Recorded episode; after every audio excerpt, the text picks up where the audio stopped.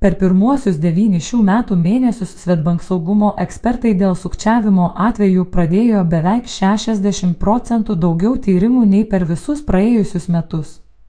Dažniausiai išvilioti pinigus sukčiai bandė fiktyviomis žinutėmis, kurias jie siunčia įvairiais kanalais. Iš viso per šį laikotarpį dėl sukčių veiksmų gyventojai neteko daugiau nei 1,6 milijonai eurų, tačiau banko klientams įsaugotų lėšų suma buvo didesnė už nuostolius ir siekė daugiau nei 2,2 milijonai eurų, rodo Svetbank duomenys. Pastaruoju metu itin suaktyvėjo sukčiai, kurie nusitaikė į asmeniniais daiktais prekybos platformose ir skelbimų portaluose prekiaujančius gyventojus. Apsimetę pirkėjais, Sukčiaujantys asmenys siuntė žinutę su nuorodomis į fiktyves siuntų svetaines, reikalaudami pateikti mokėjimo kortelės ar interneto banko duomenis bei patvirtinti operacijas SmartID kodais. Sako Svetbank informacinės saugos vadovė Žygėda Augonė. Kaip pažymi saugumo ekspertė, dėl sukčių atakų fiktyviomis SMS žinutėmis per pirmuosius devynis šių metų mėnesius pradėta beveik pusantro tūkstančio tyrimų du kartus daugiau nei per visus 2021 metus. Tuo metu bendra klientų nuostolių suma užkibus ant šio sukčių kabliuko siekia daugiau nei 94 tūkstančiai eurų. Žiaugonė atkreipia dėmesį, kad į siuntų tarnybų internetinius puslapius saugiausia eiti jų svetainės adresą suvedus naršyklės adreso lauke, o ne aktyvuojant iš kitų asmenų gautas nuorodas. Jos gali būti fiktyvios. Brangiausiai atsėjo apgaulingi skambučiai. Didžiausių nuostolių per pirmuosius devynis šių metų mėnesius patyrė gyventojai, sulaukę telefoninių sukčių atakų. Vidutinė nuostolių suma tokiais atvejais siekia daugiau nei 1,6 tūkstančiai eurų, rodo Svetbank duomenys. Kaip tais įklė? Skambindami gyventojams sukčiai dažniausiai prisistato finansų ar teisėsaugos institucijų darbuotojais ir informuoja apie neva iš gyventojų sąskaitų atliekamus įtartinus pavedimus ar nepakankamą sąskaitų saugumą, kurdami psichologinį spaudimą kuo greičiau apsaugoti savo finansus. Sukčiai prašo čia ir dabar suteikti asmeninius prisijungimo prie interneto banko duomenis.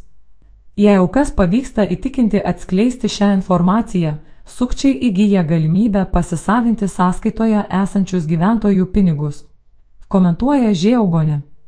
Saugumo ekspertė primena, kad atskleisti savo interneto banko prisijungimo duomenų, SmartID kodų ir mokėjimo kortelės informacijos negalima niekam, nes tai asmeninė konfidenciali informacija.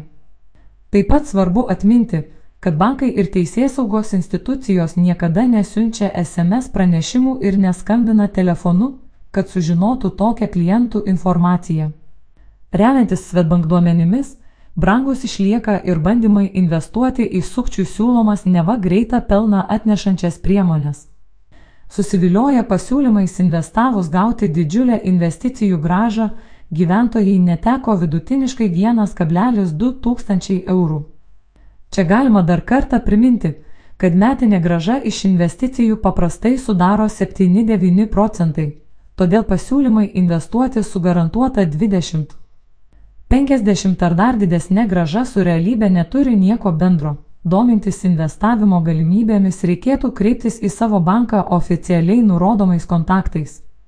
Banko konsultantai padės suprasti esminius investavimo principus, įsivertinti, kokios investicinės priemonės geriausiai atitinka turimas galimybės ir poreikius.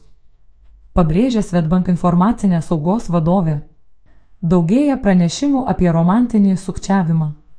Kaip rodo Svetbank duomenys, per pirmuosius devynis šių metų mėnesius pradėta beveik 50 procentų daugiau tyrimų dėl romantinio sukčiavimo nei per visus praėjusius metus.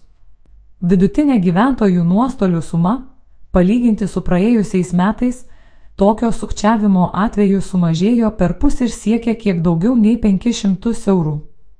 Tokios romantinio sukčiavimo tendencijos gali būti vertintinos dviejopai. Viena vertus, stebime šio sukčiavimo atvejų skaičiaus augimą. Kita vertus, banko dėgiamos ir tobulinamos netipinių operacijų stebėsenos sistemos didina galimybės nustatyti sukčiavimo atvejus ir sumažinti patiriamus gyventojų nuostolius. Sako Žieaugonė. Pasak Svetbank ekspertės, internetu užmėgstas bet kokias pažintis privalu vertinti itin kritiškai. Būtina paieškoti daugiau informacijos apie savo naują jį pažįstamą internete, palyginti ją su socialinio tinklo paskyroje ar pažinčių svetainėje pateikiamais duomenimis. Jei niekada gyvai nesutiktas žmogaus kreipiasi su prašymu paskolinti pinigų ar suteikti finansinę pagalbą, tai turėtų būti pirmasis signalas, kad turite reikalų su sukčiumi, kuris nori išnaudoti jūsų pasitikėjimą savanaudiškiams tikslams, komentuoja Svetbank informacinės saugos vadovė Žieaugonė.